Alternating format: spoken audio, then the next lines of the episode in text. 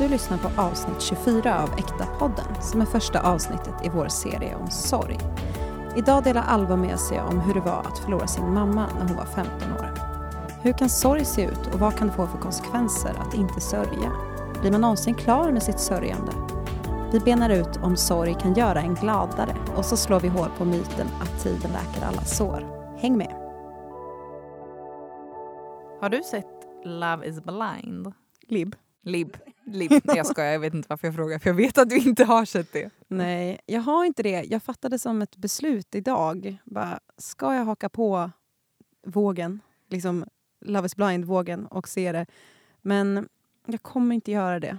Det, Nej. det, kom, det är tid som jag ska lägga på annat.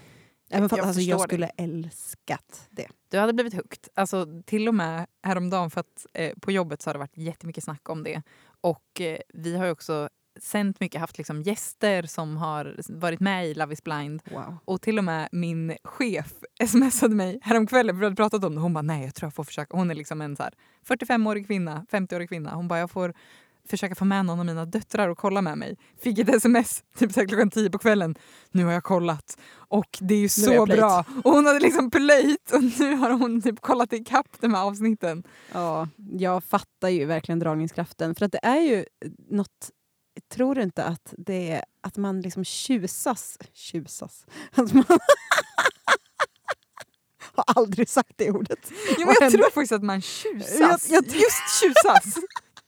Tänk att det handlar om tjusningen just. Nej, men att man blir väldigt fascinerad av grejen att bli kär i någon utan att ha träffat den. Ja, skulle du kunna... Nu är ju du gift, men om eh, du inte hade varit gift, om du hade varit på marknaden, så att säga, Mm. hade du kunnat vara med i ett sånt program? Alltså, just självaste programmet hade jag kanske tackat nej till. Men att göra den grejen. Att, Du menar just själva att vara med i en realityserie? exakt, det kanske eventuellt skulle jag tacka nej till det. Jag har ändå funderat på att vara med i Gift i första ögonkastet. Ja, åh gudars. Det tycker jag hade varit något. Ja, verkligen, då hade du också fått vara med på det här. Exakt. Här är min bästa kompis. Exakt. Nej, men jo, jag tror att om, om det liksom hela konceptet med att, eh, eh, att lära känna någon utan att ha träffat den och liksom få den här djupa heart connection. Det skulle jag ändå vilja... Det hade varit härligt.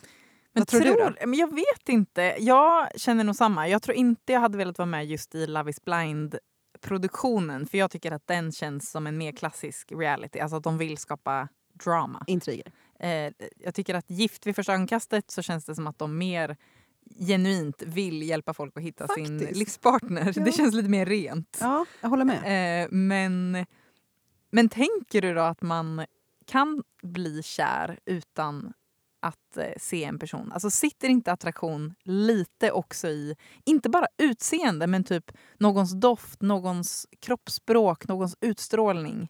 Kan det inte falla när man väl ser personen? Jo, kanske. Men jag tänker att eh, det kanske ger det kanske ger personen en, en större... Eller det kanske ger eh, den inre connectionen en större chans om man, har, eh, om man inte har eh, dömt ut den på förhand eh, av liksom allt det yttre. Men sen tror jag att det måste också klaffa med det yttre när man väl ses. Liksom. Ja, Förstår du vad jag menar? jo, jag förstår vad du menar. Förra avsnittet pratade vi om när livet inte blir som man hade tänkt. Alltså när man kämpar för att hitta hopp framåt men att man känner att man ändå är besviken över hur många saker blev i livet.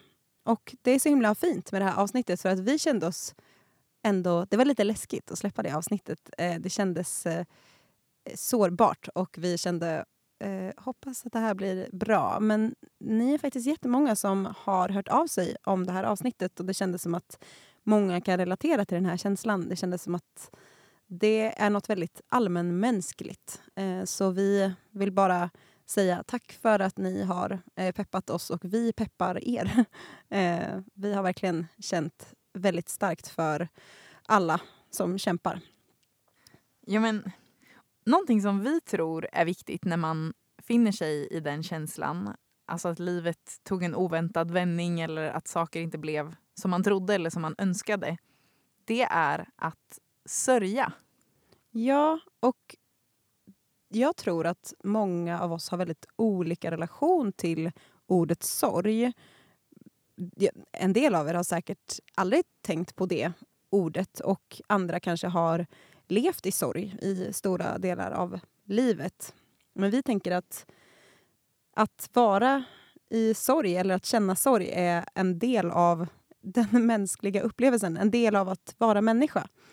Ja men verkligen, det, det är så lätt att tänka att sorg bara berör väldigt stora förluster i livet. Jag tror att om man googlar verkligen. sorg, då är det ju verkligen så. Om du har förlorat en nära anhörig, alltså om någon har dött. Precis. Um, och eh, vissa kanske tänker att det är enda gången man behöver sörja. Men vi tror att sorg är större än så. Att det är en väldigt viktig pusselbit för alla eh, i att bli mer hel och fri på insidan. Så det, vi tror att det gäller alla. Eh, så därför kommer vi nu ha en liten miniserie om just sorg. Eh, och i det här avsnittet så kommer vi ta avstamp i hur Alva har hanterat sorg i sitt liv. Alva, vi har ju pratat i olika avsnitt om att du förlorade din mamma när du var väldigt ung. Du var ju bara 15 år när hon dog. Ehm, men vill du berätta lite hur tiden var innan din mamma dog? Ja. Um, när jag tänker på min barndom så är det som att jag delar upp den i tiden före mamma blev sjuk och tiden efter hon blev sjuk. Um, och hon blev sjuk redan när jag var tio år. Um, och det är inte så att livet var perfekt innan men det är ändå ett väldigt stort skifte i livet um, när jag tänker på uh, när hon blev sjuk. Um, och fram tills att vi var nio år så bodde vi också i ett hus och sen flyttade vi till en lägenhet som var liksom som lite mellan två hus. Och det blir också då att det förstärker ännu mer den känslan av att det är ett före och ett efter. Att det här första huset är som min lyckliga barndom och känslan i lägenheten och, och hus nummer två är mycket tyngre. Mm, just det, det blev ett tydligt skifte där, även fysiskt. Verkligen. Och eh, ja, jag eh, var då tio år och jag minns att jag var hos min farmor och farfar när jag fick det här eh, beskedet. Man får ett besked när man är tio. Men jag var hos farmor och det var jag ganska ofta när jag var liten, var där själv. Och eh, eh, så ringde min pappa på telefonen och bara berättade att eh, eh mamma har fått cancer, fått bröstcancer. Och det var liksom inte mer med det. Det som att han sa det och sen så la vi på och det var ingen som pratade om det. Det var inte så att någon förklarade och det innebär det här och det här eller att, att farmor försökte förklara. Eller, utan det var som att okej, okay, um, det har hänt och jag känner mig ganska lämnad att dela med att det känns som att hela mitt liv har slåtts i spillror. Mm. Och jag kan tänka på det ibland och tänka att jag har svårt att förstå, för mamma var ändå en väldigt känslosam person och liksom, eh, som ändå pratade mycket känslor och väldigt varm. Och hur hon tänkte när hon inte satte sig ner då med sin tioåriga dotter, eller med alla sina tre barn och förklarade lite vad det var som hände. Men jag tänker att hon antagligen var för upptagen av sin egen känsla av att ha fått liksom ett sånt sjukdomsbesked. Mm. Hur var det med dina, dina syskon då? Men de var då 14 och 15 år, så jag är yngst. Och min känsla är att det blev som att alla gjorde lite sin egen grej. Det fanns liksom ingen enhet. Det fanns ingen känsla av att okej, okay, nu gör vi det här tillsammans som familj och låter det här stärka oss. Det är tufft, men vi tar oss igenom det. Utan alla klarade det på något sätt på sitt sätt. Eh, liksom var man för sig på något sätt. Hur blev ditt sätt att hantera det? Men jag hanterade det på två sätt kan man säga. Um, dels att jag styrde upp mitt sociala nätverk. Um, redan då, det är nog en av mina styrkor än idag, att jag är ganska liksom, connectande och bra att styra upp. Och det var jag även som tioåring. Så det var väldigt mycket så att jag eh, ja, men, mötte mina behov genom relationer med andra personer och jag såg till att jag hade mycket planer med vänner och var hos vänners familjer och spenderade mycket tid eh, ja, men hos kompisar helt enkelt. Och det var väl verkligen ett sätt att bara, det är för jobbigt att vara hemma. Mamma är på sjukhuset, mm. eh, ingen pratar om vad som händer. Jag vill känna mig trygg, så då så styr jag upp liksom andra planer. Um, men sen gick jag också, vilket är lite på ett sätt då som motsatsen till att söka sig till andra, gick också väldigt mycket in i mig själv. Hade mycket fantasivärldar och fantasivänner um, och lekte i den här världen. Um, ja, men jag hade personer som jag hittade på då som sen följde med mig liksom verkligen långt fortsatt i barndomen. Mm. Eh, amerikaner. Såklart.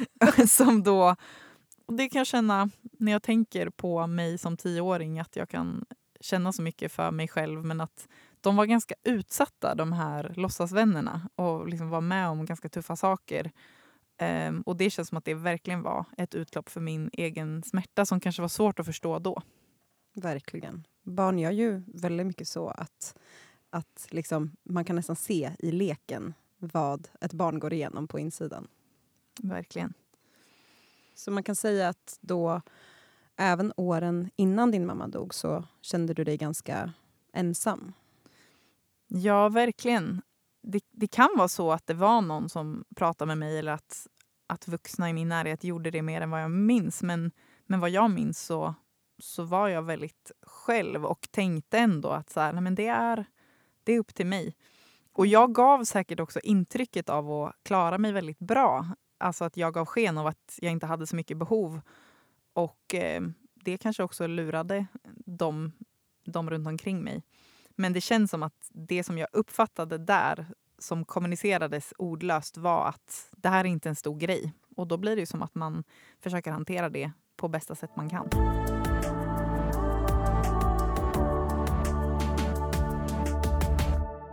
Så du var alltså tio år när du fick veta att din mamma var sjuk. Var hon sjuk alla de åren fram tills att hon dog sen? Um, hon fick cellgiftsbehandling i ungefär ett år. Och det var väl den mest så aggressiva liksom, delen av hennes eh, då, bröstcancer.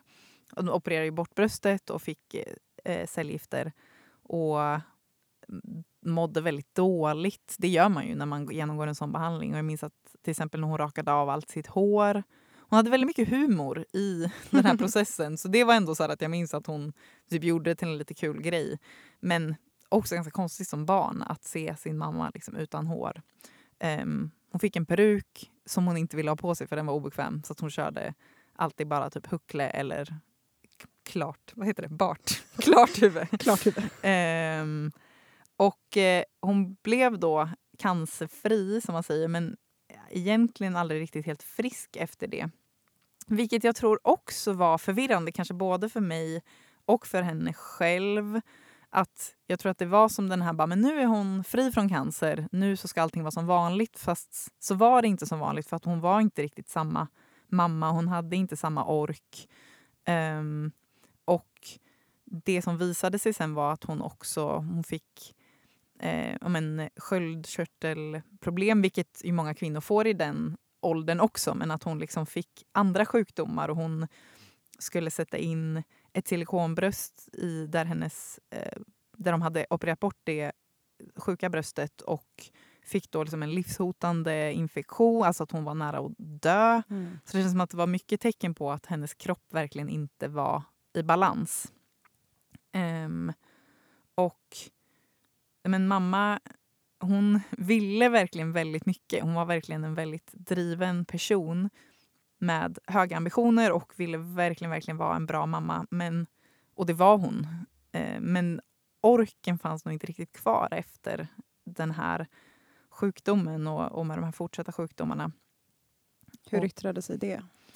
Men till exempel, för vi bodde då i den här lägenheten från att jag var tio och jag tror när jag var tolv, så då var det efter liksom canceråret och ett år till, så flyttade vi till ett hus som var ett typ renoveringsobjekt Men hon orkade inte riktigt göra klart. Hon hade väldigt mycket visioner men det blev inte riktigt färdigt. Och det känns som att den här splittrade känslan liksom hängde kvar. Och det fanns ju såklart också fina stunder under de här åren. Men det är också en så konstig ålder. Man blir tonår, alltså det var då 12, 13, 14, 15. Det är liksom redan tufft att leva ja, då. byter vänkrets, man eh, försöker ta reda på vem man är. Jag började festa och träffa killar. Och ehm, jag tänker på de åren och tänker att jag nog kände mig ganska ensam och som att det inte riktigt fanns um, stöd av den mamman som jag kanske skulle behövt. Mm. Och sen så kom ju cancern tillbaka. Hur var den sista tiden? Ja, min eh, stora syster Elin som jag är väldigt nära med och var väldigt nära med redan då. Hon hade flyttat hemifrån, så hon bodde i Stockholm och gick folkhögskola. Så jag och min bror Viktor bodde hemma. Och jag hade precis börjat ettan på gymnasiet. Så jag, var, och jag gick skolan ett år tidigare, så jag var 15. Och eh, min mamma hade haft ont i ryggen ganska länge och sökt mycket hjälp för det under en lång tid och fått höra att med det är ryggskott. Det hade säkert gått, jag vet inte hur länge, men säkert ett halvår typ. Och eh, en dag så ville pappa prata med mig och min bror. Så vi eh, satte oss ner i vardagsrummet och så berättade han att cancern hade kommit tillbaka så att det var då i form av metastaser i skelettet. Och jag minns att jag ville direkt gå och ringa min syster. Mm. Gå iväg för jag tror inte jag kände mig trygg riktigt med att bara sitta där med pappa och min bror. Och då blev pappa så arg på mig. Um, och antagligen kände han sig väldigt rädd och maktlös och hjälplös. Um, och det kändes som att det fanns mer en känsla av urgency kanske den här gången i det här beskedet. Mm. Um, och vi fick gå på möten på sjukhuset och prata med läkare. Och jag var ju fortfarande ganska liten. Jag var 15. Um, och jag minns att det var en läkare som sa att det här är någonting man verkligen kan leva med länge. Skelettcancer går inte att bota. Jag tror att det kanske går idag, jag är inte helt säker, men då var det i alla fall så att det gick bara att bromsa. Men man kan leva i liksom 20 år med det här. Mm. Och jag vet att vi också hade familjevänner som hade någon vän som hade cancer och det var, som hade levt med det länge, just den här formen. Så det var det jag tog in. Ingen berättade för mig att, ja, men att hon förmodligen inte hade så långt kvar att leva. Um, så jag förstod inte det, för det kommunicerades inte med mig. Um, Hur var din mamma under den här tiden? Um, min mamma hade jätteont. Um, den här cancern hade angripit eh, höftkulan som liksom styr benet. Så att hon hade cancer ner i hela benet och upp i hela ryggen. Så att hon kunde inte gå. Och när hon gick så var det liksom att hon nästan kunde skrika av smärta. Så hon åt ju jättemycket mediciner. Och var också då helt drogad av alla mediciner. Och hallucinerade mycket. Ehm, det var liksom med tillfällen när hon inte kände igen oss eller så, mm. visste vilka vi var. Och hon var mycket hemma, men hon åkte också fram och tillbaks mycket um, mellan hemmet och sjukhuset. Så jag kunde komma hem från skolan och då var det en ambulans där som tog henne till sjukhuset lite så mot hennes vilja. Eller att hon kunde vara så här, åh, åh typ jag vill inte åka. Fast mm. hon var liksom för sjuk för att klara sig hemma. Och sen så kom hon tillbaks hem igen några dagar senare. Och jag kan verkligen tänka på eh, pappa, att han måste ha varit så himla trött. För att det blev ju hans jobb då att ta hand om henne och hon kunde ju inte ens Ja, men hon kunde ju inte gå ordentligt så han fick ju liksom bära henne och eh, hjälpa henne upp ur sängen och så. så att eh, ja, alla var nog väldigt trötta. Hur, hur hanterade du den här tiden? Men jag flydde väldigt mycket um, och var med mina kompisar. Jag var ju liksom 15. Um, det känns som att då är också ens vänner ens allt. Eller för ja. mig var det verkligen så i alla fall. Så jag var inte hemma. Um, jag var med kompisar eller så satt jag och tittade på serier. Det var liksom precis när man hade börjat ladda ner på Pirate Bay. um, så jag satt väldigt mycket också i våran hall vid vår stationära dator med hörlurar och tittade på OC. Just man tittade alltså vid datorn? ja, man satt där. Och det var en sån, en sån flykt verkligen. Mm.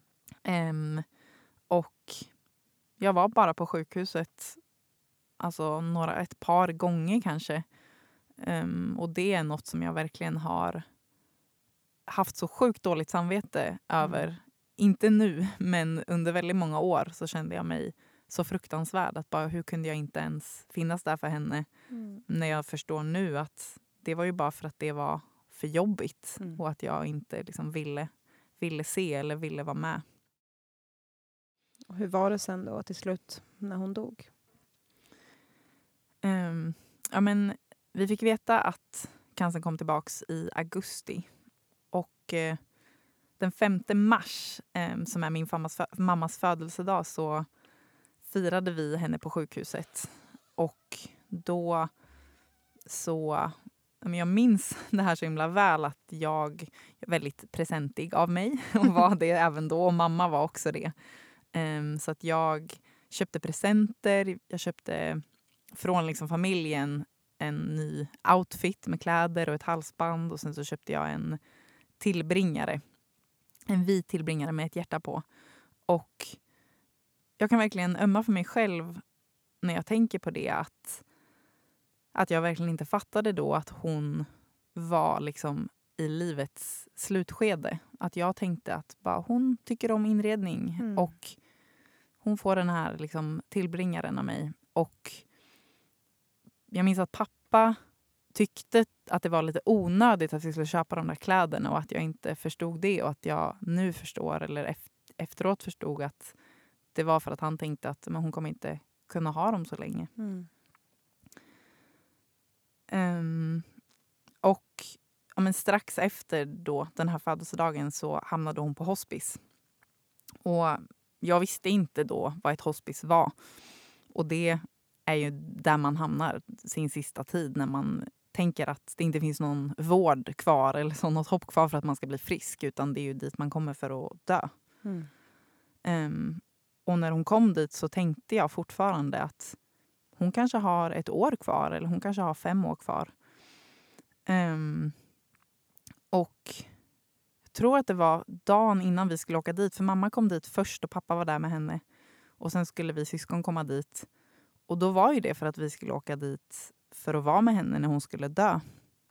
Och då, på något sätt så förstod min syster att jag inte hade fattat att hon skulle dö. Så hon fick berätta det för mig.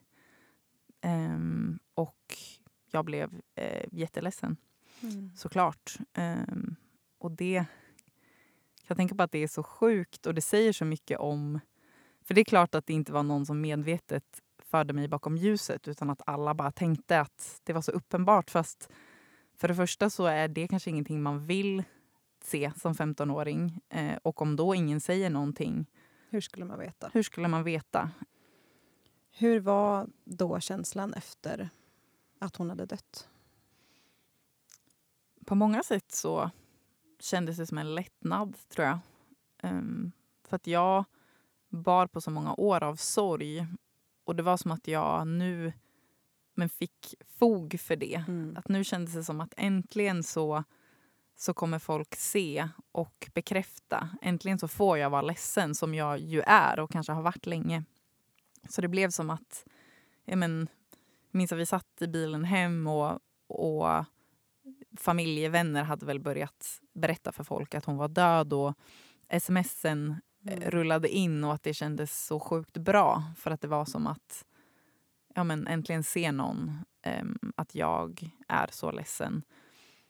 Um, och samtidigt så var upplevelsen fortfarande att det inte riktigt var någon som pratade med mig. I alla fall vuxna. Mina vänner gjorde väl det, men de var ju också bara barn. Ja.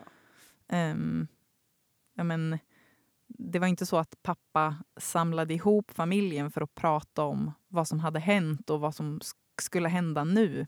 Um, och jag, på samma sätt som när jag då fick reda på att hon blev sjuk första gången kände det som att okej, okay, men det är ingen stor grej.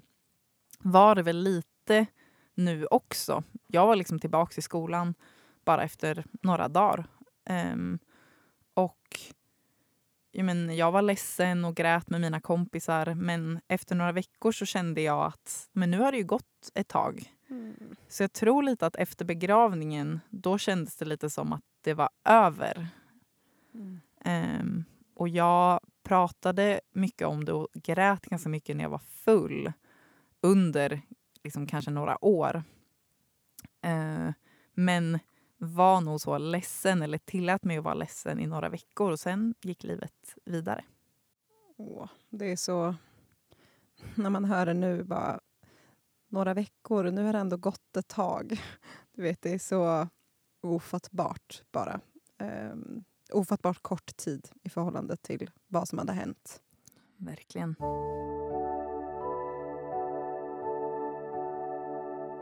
Det här har ju format dig så mycket. Um, vill du berätta lite om hur det har tagit sig uttryck? Men, lite som jag sa tidigare, att, att ingen pratade med mig om det, varken under sjukdomen eller kring hennes död. Det kommunicerade ju att det här inte var en så stor grej. Mm. Och jag fick inte heller någon hjälp då att sörja. Och jag tänker att så länge man inte sörjer så står man still. Det finns ju en, en sägning som är tiden läker alla sår. Men det tänker jag verkligen inte är sant. Tid i sig läker inte sår utan det finns ett skäl till att det heter sorgearbete. Jag tänker att det är ett aktivt arbete. Um, men jag tänkte undermedvetet att men nu har det här hänt. Då får vi lägga det bakom oss och nu får jag bara gå framåt och leva på. Mm. Och jag tror att det som jag gjorde mycket... Vi, vi pratade i ett väldigt tidigt avsnitt av podden om självtillräcklighet. Och det var nog verkligen eh, min strategi för att klara den här situationen. Att jag liksom gick till duktighet. Mm. Så att även om jag på ett sätt har haft mycket stöd runt mig, för jag har alltid haft vänner och människor som bryr sig om mig, så kände jag ändå att jag behövde vara ganska så samman, sammanhållen, liksom, put together. Att, du, du, kunde inte komma i vilken skepnad som helst? Liksom. Nej, som att kärleken ändå var villkorad. Eh, det fanns ingen känsla av att jag skulle bara totalt kunna liksom tappa det. Mm. Eh, för det känns som att om jag skulle rasa ihop, då skulle allting rasa ihop. Mm. Mycket av livet hände, hängde ändå på mina axlar. Mm. Så jag gjorde ganska så en tydlig plan, var, var väldigt uppstyrd, började tjäna pengar tidigt um, och gick helt in i att vara vuxen egentligen från att jag var så 15-16. Och det här har nog följt mig ganska mycket in i mina 20-30 år. Behovet av att ha en plan, av att ha kontroll och ha koll på läget och vara uppstyrd. Mm. Eh, har nog varit ganska så rädd att gå utanför boxen och tappa kontrollen för att det skulle betyda att då skulle livet rasa samman på något sätt. Mm. Så vad, vad skulle du säga var din liksom drivkraft då från att du var 15? Jag tror drivkraften var att om jag gör saker på rätt sätt, beter mig på rätt sätt kring personer som jag behöver, är en perfekt kristen, gör allting ja, men enligt plan, då kommer jag äntligen höra till och äntligen vara accepterad och få det som jag behöver. För det känns ju som att det har varit ett tema i ditt liv, just tillhörighet. Och att det har varit, det har varit en stor konsekvens av din mammas död. Ja, verkligen. Tillhörighet och en längtan efter att inte känna mig ensam. Um, att det under många år fanns som ett barn inom mig som tänkte att jag kunde få tillbaka min familj. Um, det är ju väldigt, en väldigt ologisk tanke men, men jag tror att när jag förlorade mamma då var det en stor eh, sorg i sig. Men på ett sätt så är det efterdyningarna som har varit den största sorgen och det kanske har varit svårare att greppa för att det är lätt att se att ja, men hon dog. Lite som att jag kände lättnad. Att bara, nu är hon död, nu kan jag i alla fall få känna mig ledsen. Mm. Lite så kanske det känns kring allt det andra. För att jag förlorade ju på ett sätt hela familjen för att allting förändrades när mamma dog. Det fanns ingen som höll oss samman. Det fanns ingen som kunde upprätthålla traditioner. Det fanns inte längre den som styrde upp födelsedagar och, och julafton. Och jag tog nog den rollen ganska mycket. Um, att, att fylla det hålet. Så att jag kämpade på och köpte gran på jul och gick upp liksom på julafton och gjorde gröt till familjen och försökte få alla att bara hallå kan vi kan vi eh, försöka upprätthålla den här mm. grejen som vi har haft. Um, men det, det funkade inte riktigt. För det funkar inte så. För att hon, hon var ju borta och det som jag ville ha tillbaks var ju egentligen någonting som inte gick att få tillbaks. Mm. Och jag tror att den största grejen var just det att vi inte pratade med varandra. Någonting som hade kunnat dra oss samman. Just att få dela sorgen det tänker jag hade kunnat knyta oss närmare varandra i tillhörigheten. Men det blev istället så att tystnaden drog oss längre från varandra. Mm. Du sa att du, du gick in ganska mycket i den rollen av att styra upp fastän du kanske, det kanske inte riktigt funkade. Hur kommer det sig att du ändå gjorde det? Om du förstår vad jag menar. Att du var beredd att göra det. Mm. Jag tänker att jag hade väldigt mycket behov. Och när man har mycket behov då är man beredd att betala ett väldigt högt pris för att få dem någorlunda mötta. Och jag tror att man lätt då betalar med sig själv som insats. Så att jag tror fokus för mig blev inte i de här åren när man ska bli vuxen och hitta sig själv blev nog inte riktigt att försöka hitta min egen röst eller vad jag tycker om, vem jag är, vad jag tycker är kul. Utan att jag körde över mig själv. För jag tänkte att det behövdes för att andra skulle kunna möta mina behov. Mm.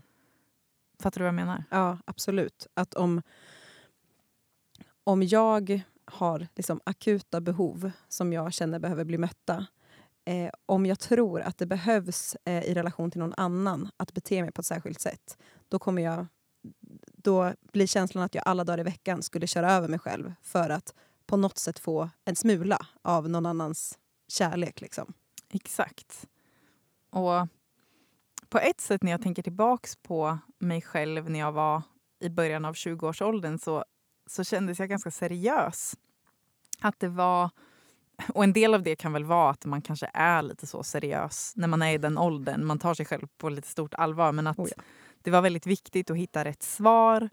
Mycket svartvithet. Livet kändes ganska high stakes.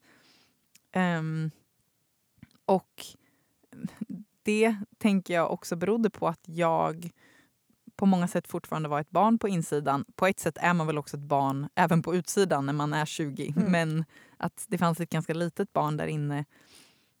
Och där kändes det ju på liv och död att få kärlek och bli accepterad, hitta tillhörighet. De här behoven kändes väldigt akuta och då, då tänker jag att det blir lite high stakes. Då är det som att vi har inte tid att hålla på och mess around. Verkligen. Det här är liksom, jag ska överleva. Business. Så ja. jag måste bara se till, göra en plan hur jag kan ta mm. mig fram i livet och kanske som vi pratade om i förra, förra avsnittet där med tidslinjen, att jag ändå tänkte att ja, men det här är jobbigt nu men om jag bara gör allt det här som jag behöver göra för att få stabilitet, då kommer jag liksom känna mig trygg och nå fram till målet, vilket är att typ, ha en familj igen Mm. på något sätt. Ja. Men när du var 25 så flyttade du till USA. Och då kom ju väldigt mycket av din sorg upp till ytan. Kan du inte berätta om det? Men eh, jag åkte då till en skola som jag kom i kontakt med um, genom... Det var ganska mycket svenskar som hade varit där som jag kände eller var bekant med. Um, och det är en ledarskapsutbildning kan man säga.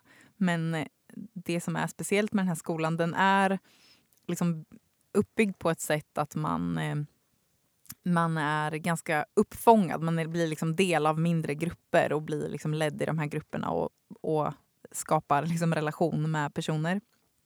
Och ehm, den miljön som den är i är ganska präglad av um, äkthet och att det finns tillåtelse att gå på resan, att vara en människa och vara liksom messy. Någonting som jag kanske inte hade känt så mycket att det fanns utrymme för i mitt liv.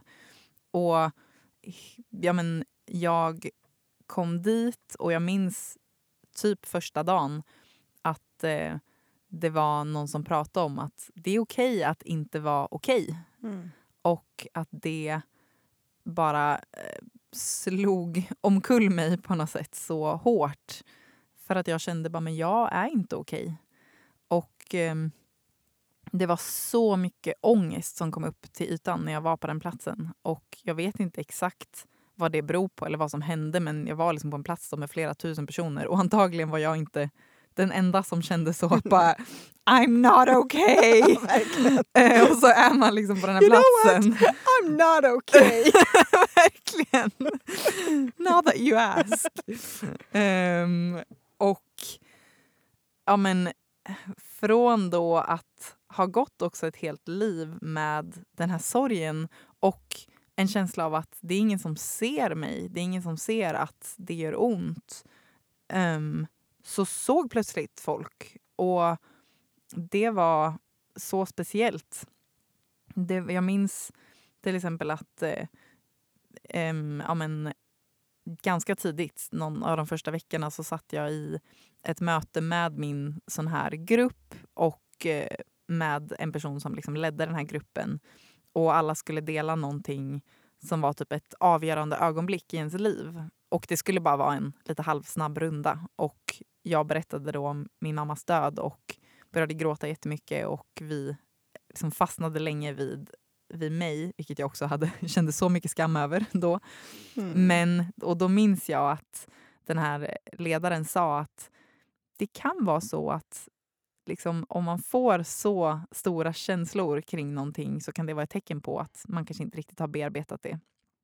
Ehm, och det var väl lite såna hintar som, som kom upp mer och mer som, som fick mig att, att se att okej, jag behöver nog bearbeta det här. Ehm, och det, ju mer jag ja, men, förstod det, ju mer sorg kom upp. Och eh, det var flera veckor där jag nästan inte riktigt nästan inte kunde sluta gråta. Alltså, jag minns, det var nog första dagen i skolan så började jag gråta eh, under liksom ehm, ja, men, det var väl typ någon undervisning om någonting, jag minns inte. Och ehm, att jag hade en mentor då som sa till mig att bara det, det är okej och om det inte tar slut så är det också okej. typ. Mm. Om du behöver fortsätta gråta även när du kommer hem ikväll så är det okej.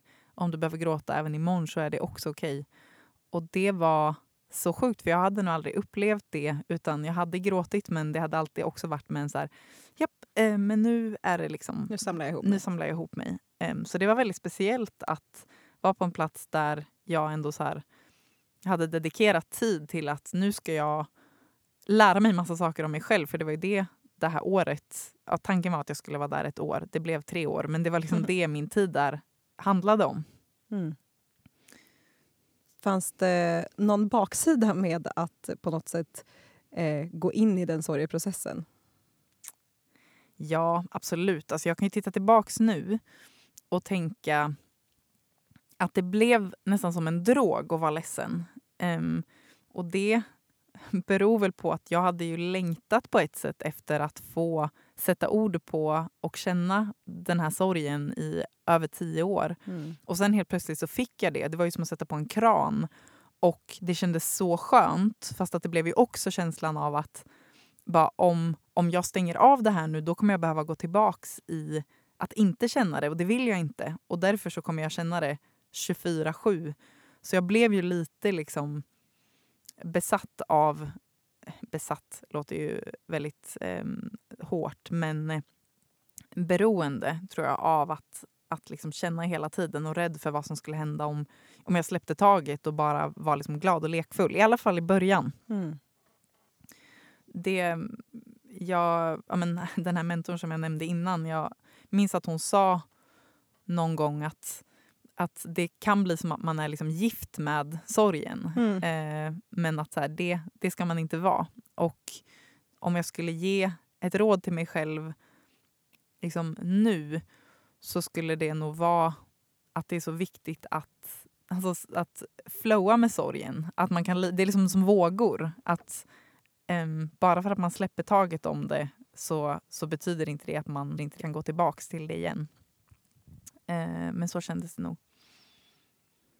Fanns det något motstånd i att börja bearbeta de här grejerna?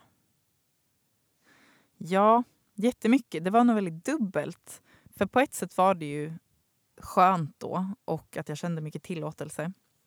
Jag började gå i terapi, men det gjorde jag inte förrän andra året, vilket är så sjukt för att då betyder det att det var liksom ett helt år där jag ändå bearbetade väldigt mycket men gjorde det mer själv och med mentorer och sådär. Det visste inte jag. jag jo. Tror...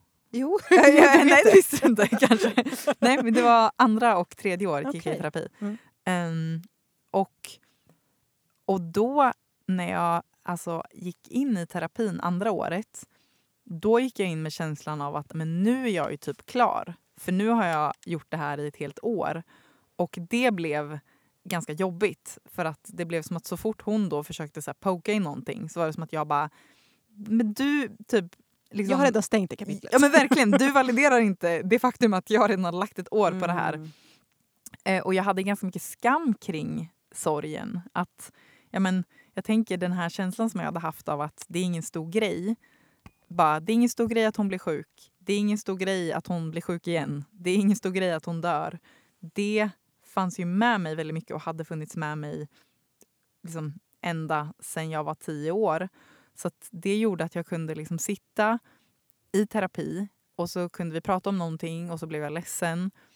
Och så kom det en jättestark röst i mitt huvud som sa du, du är inte ledsen egentligen. Du, du vill bara ha uppmärksamhet. Mm. Det här är inte på riktigt. Du bara låtsas.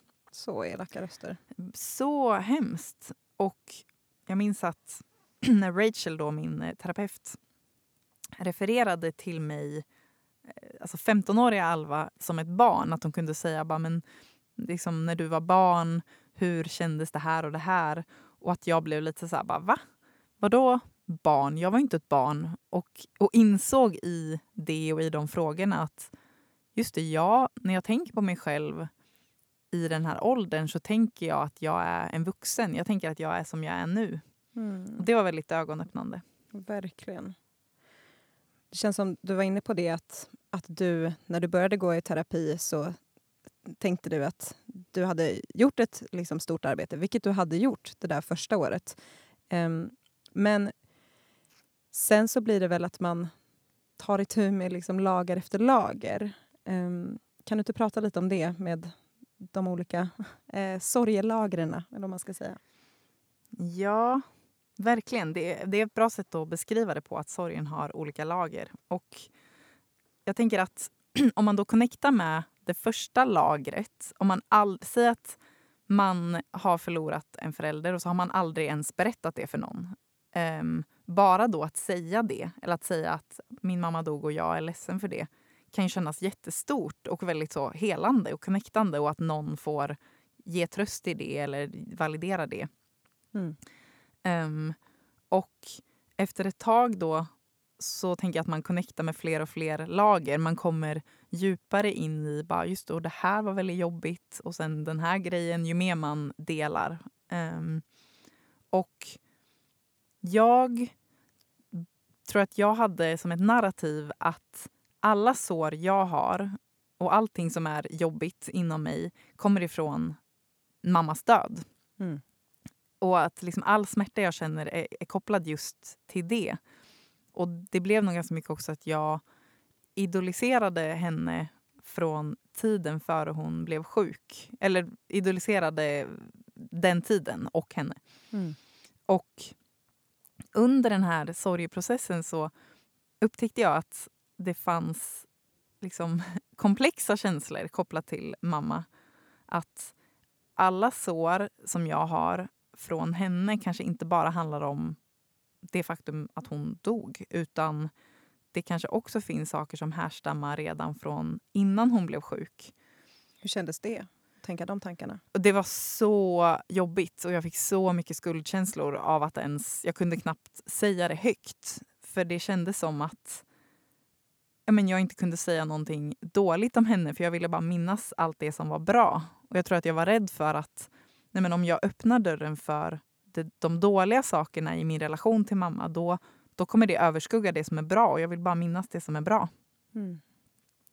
Men, så förståeligt ändå. Ja, verkligen. Men jag tänker att det är så lätt att tänka så när det i själva verket blir en mer sann och hel bild av en människa om man minns det så som det var. Sen så kanske det inte är så att det bara är på ett sätt, för allting handlar om ens egen upplevelse av en situation. Men att minnas att så här, så här kändes det när det var bra och så här kändes det när det inte var bra. Um, jag minns att Rachel sa till mig i något samtal om just det här att för att helt kunna minnas och uppskatta de bra sidorna med någon, att det ska kännas rent, då måste man också se sanningen i de mindre bra sidorna. Och jag kan verkligen känna att när jag ser bristerna så kan jag känna mycket mer connection för mamma. Och också, det handlar ju inte om att, att en person är dålig. Nej. Utan på samma sätt som jag och du är värda empati för våra tillkortakommanden är ju min mamma det och våra, allas våra föräldrar. Mm. Um, så då kunde jag också mer förstå henne tror jag och lära känna henne. Alltså det känns som att när vi pratar om det här, jag får så sjukt mycket respekt för dig och alla som sörjer för det kräver så sjukt mycket mod och ärlighet att våga att våga se de här tankarna i ögonen. För att det hade varit så lätt att bara vända om eh, i det läget och bara nej, det blir för jobbigt att, att på något sätt se de här nyanserna med mm. min mamma. Så jag ja, känner wow. Mm. Vad såg du för fler konsekvenser liksom, i dig av att du gick på den här sorgeresan? Mm. Det som är häftigt är att jag märkte att ju mer jag lät sorgen ta plats desto mindre plats krävde den. Det är så, det är så paradoxalt. Verkligen, för det är som att innan så ville jag inte riktigt kännas vid sorgen men den yttrade sig på massa sätt ändå. Och då blev det som att hela mitt liv gick åt till att hantera den där obearbetade sorgen som, som skrek i mitt ansikte. Se mig! Mm.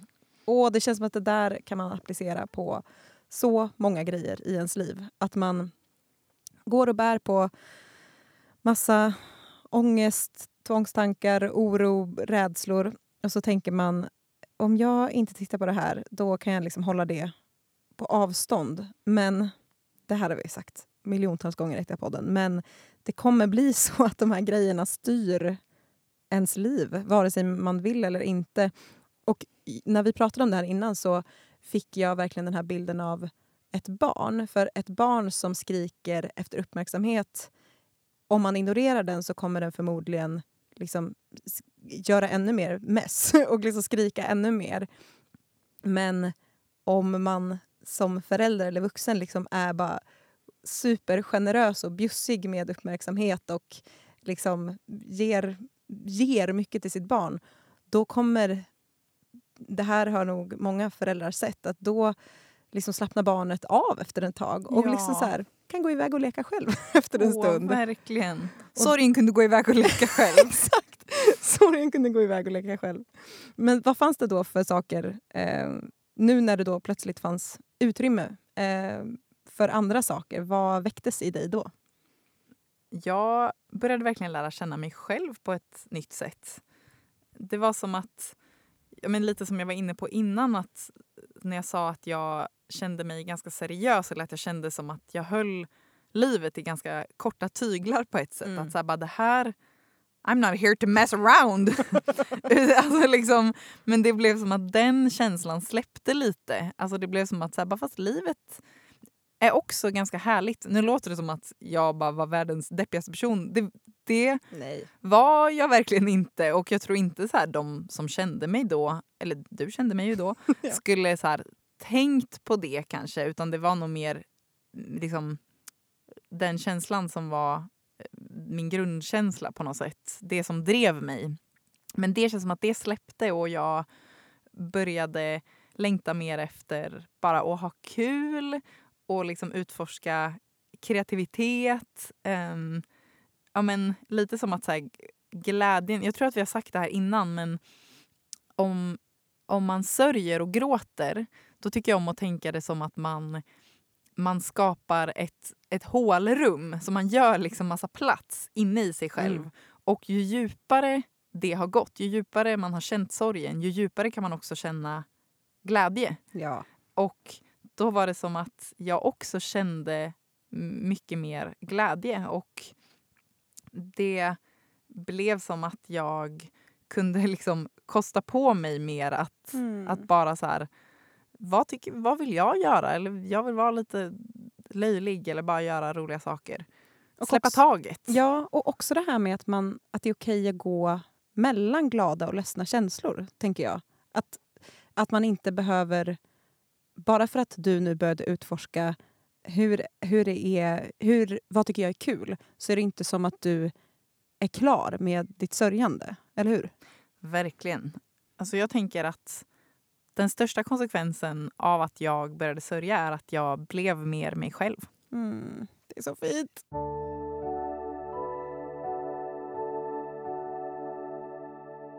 Det här var ju några år sedan du var i USA. Hur blev det sen då när du kom hem och skulle ha vardag? Och hur upplever du din sorg nu? Ja, men resan fortsatte ju när jag kom hem och i början så kom det upp mer ofta och kunde nog kännas mer avgrundsdjupt och liksom bottenlöst. Att jag fortfarande kunde ha såna liksom gråtattacker där jag kände bara det här gör så ont att det fortfarande kändes lite så färskt. Um, kanske speciellt då precis den första tiden.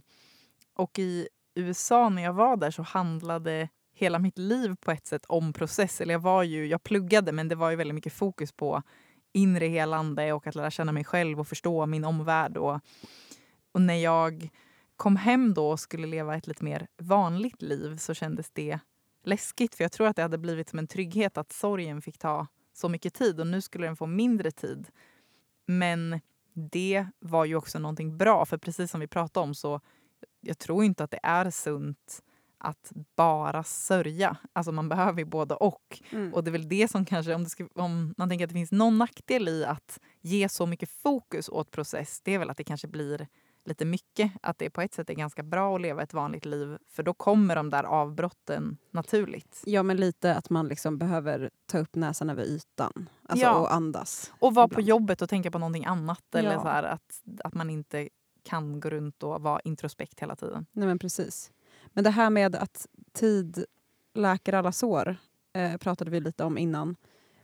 Nu när du då har eh, många år på nacken liksom, i, eh, sen din mamma dog och i din sorg, hur, hur tänker du kring det nu? ja, men det blir så tydligt för mig att det verkligen inte handlar om tid. För de första tio åren så kändes det nog ungefär på samma sätt. Men sen jag börjat bearbeta så har jag tagit så mycket större kliv och det är verkligen märkbara förändringar. Jag känner mig um, så mycket mer hel och um, vuxen. Och, och det tänker jag verkligen är för att jag har sörjt mm. och inte bara låtit tiden gå. Mm. Men eh, finns det något tydligt exempel på en sån märkbar förändring där du kan se att du liksom har förhållit dig på eh, ett annat sätt till liksom, din sorg och din mammas död?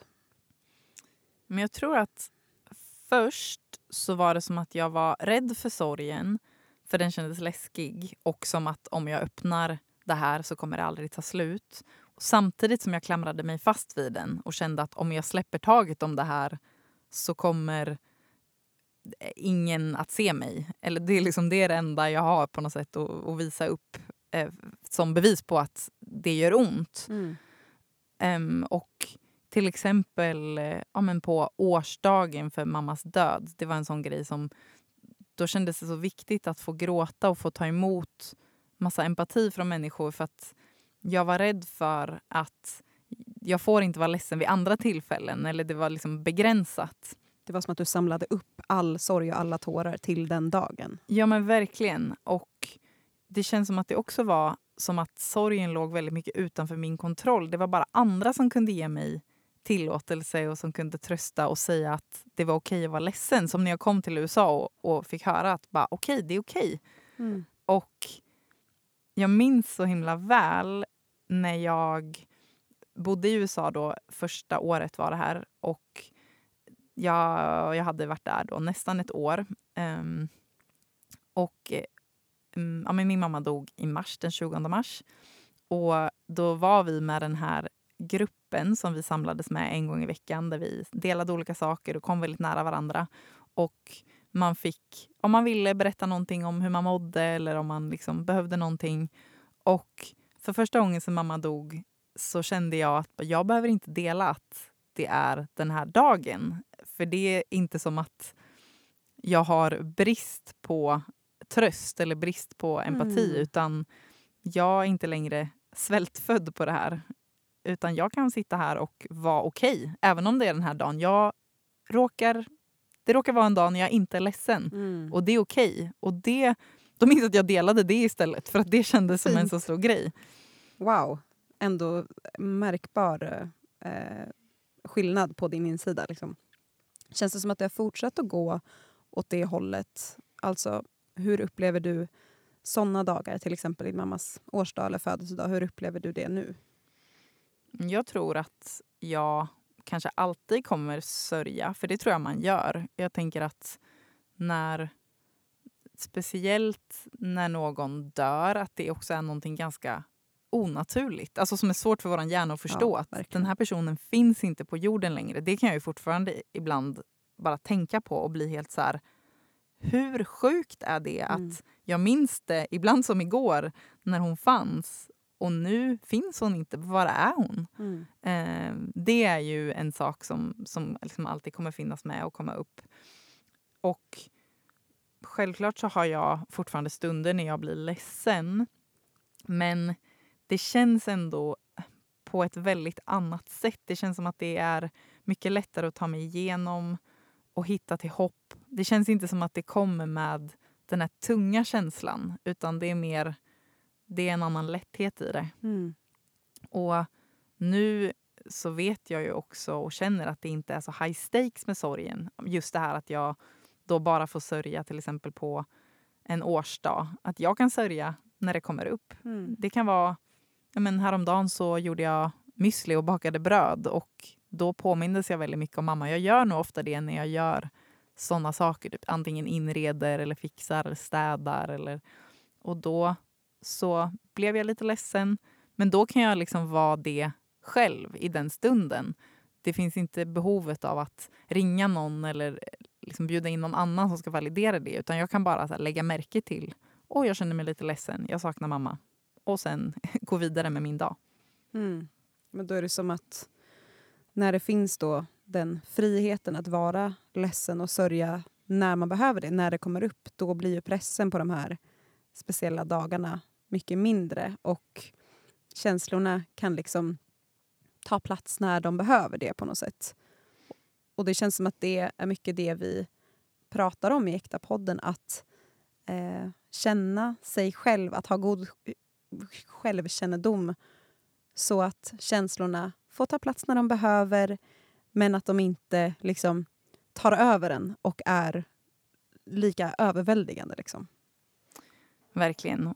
Och det är just därför det känns så viktigt att prata om det här. Att prata om sorg. För att när jag nu som vuxen sätter ord på det här och, och tänker tillbaks på det här då, ja, men när det inte är ett öppet sår, då är det så mycket lättare att se magnituden av den här sorgen och att få empati för mig själv och, och liksom allting som jag har varit med om. För att ja, men, saker man har varit med om är ju en så självklar del av en. Och det tror jag ofta gör att man kanske inte ens tänker på att någonting var konstigt eller smärtsamt eller avvikande för att man förhåller sig bara till det man är i. Mm. Och det är först när man uttalar vad man har varit med om, alltså stort eller smått tänker jag oavsett vad det är, Mm. som det liksom får utrymme att eh, vara det det är. Exakt, och också få bli speglat i någon annan, tänker jag. Eh, att få säga de grejerna högt och att någon annan kan få, eh, få säga det där låter som att det måste varit väldigt smärtsamt. Eller det där, lite som att din terapeut Rachel sa ja, men du var ett barn när du var 15 år. Alltså bara att få uttala saker högt eh, ger en på något sätt Eh, det är som att det eh, målar verkligheten på ett annat sätt. Verkligen. Och jag tror att det också har lett till att nu om jag blir triggad eller går in i destruktiva mönster som vi ju alla har, typ om man dejtar eller i andra vänskapsrelationer, då är det så mycket lättare att förstå varför jag gör det. Eh, Att det är så lätt att bli hård mot sig själv. Att man bara, Mm. gud jag är så konstig. Eller hur kan det här bli så high stakes? Verkligen. Um, bara, jag... Ja, men och så får man massa skam kring det istället, eller förstår inte sig själv. Men jag tror att så här, kan man titta på sitt liv ur ett vuxet perspektiv då så kan man lättare tänka att okej, men det är inte så konstigt att jag reagerar så här utifrån det som jag har varit med om.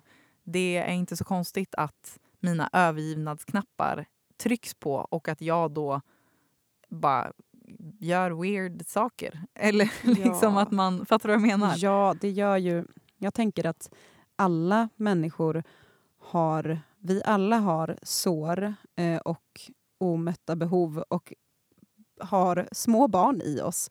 Och att på massa olika sätt gör vi alla konstiga saker för att på något sätt få de behoven mätta. Ja, och om man också då först kan ha empati med sig själv och möta sig själv i sin egen sorg, då är det också så mycket lättare att ge det till andra.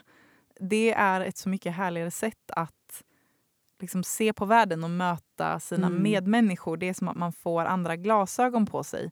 För då tänker jag att har man sett sorg i sitt eget liv, då kan man känna igen sorg och man kan höra andras sorg genom deras ord. Och då kanske man kan vara en person som är med och validerar. Mm. Alltså på samma sätt som jag upplevde att, att människor när jag kom till USA såg, såg någonting bortom min fasad så kan man säga att men, det verkar och låter som att det där måste ha varit så smärtsamt för dig. Mm. Eller bara det där är en jättestor grej att vara med om. Mm. Exakt. Och jag vill också berätta om min process för att jag tänker att det kanske finns någon av er som lyssnar som har något som ni behöver sörja men inte riktigt vågar eller inte riktigt trott att det är något som är tillräckligt stort att sörja. Att ni kanske kan känna igen er i någonting av det som jag har berättat. Mm. Tack så jättemycket för att du har berättat, Alva. Jag tror att det gör så stor skillnad för eller bara jag blir väldigt berörd av att höra din berättelse. Och eh, jag är väldigt stolt över dig och det arbetet som du har gjort och tror att det... Eller jag bara ser en sån otrolig styrka i dig, att du vågade gå på den resan. Och gör, fortsätter gå. Mm, tack. Och i nästa avsnitt så kommer vi prata kanske lite mer eh, allmänt och praktiskt om sorg. Hur sorg kan ta sig olika uttryck. Eh, för att vi också är olika personer som hanterar det på olika sätt. Eh, lite hur man lär sig identifiera sorgen och hur man egentligen sörjer. Det ska vi prata om. Tack för att ni har lyssnat. Ja, tack så jättemycket. Vi hörs. Puss och kram. Hej då.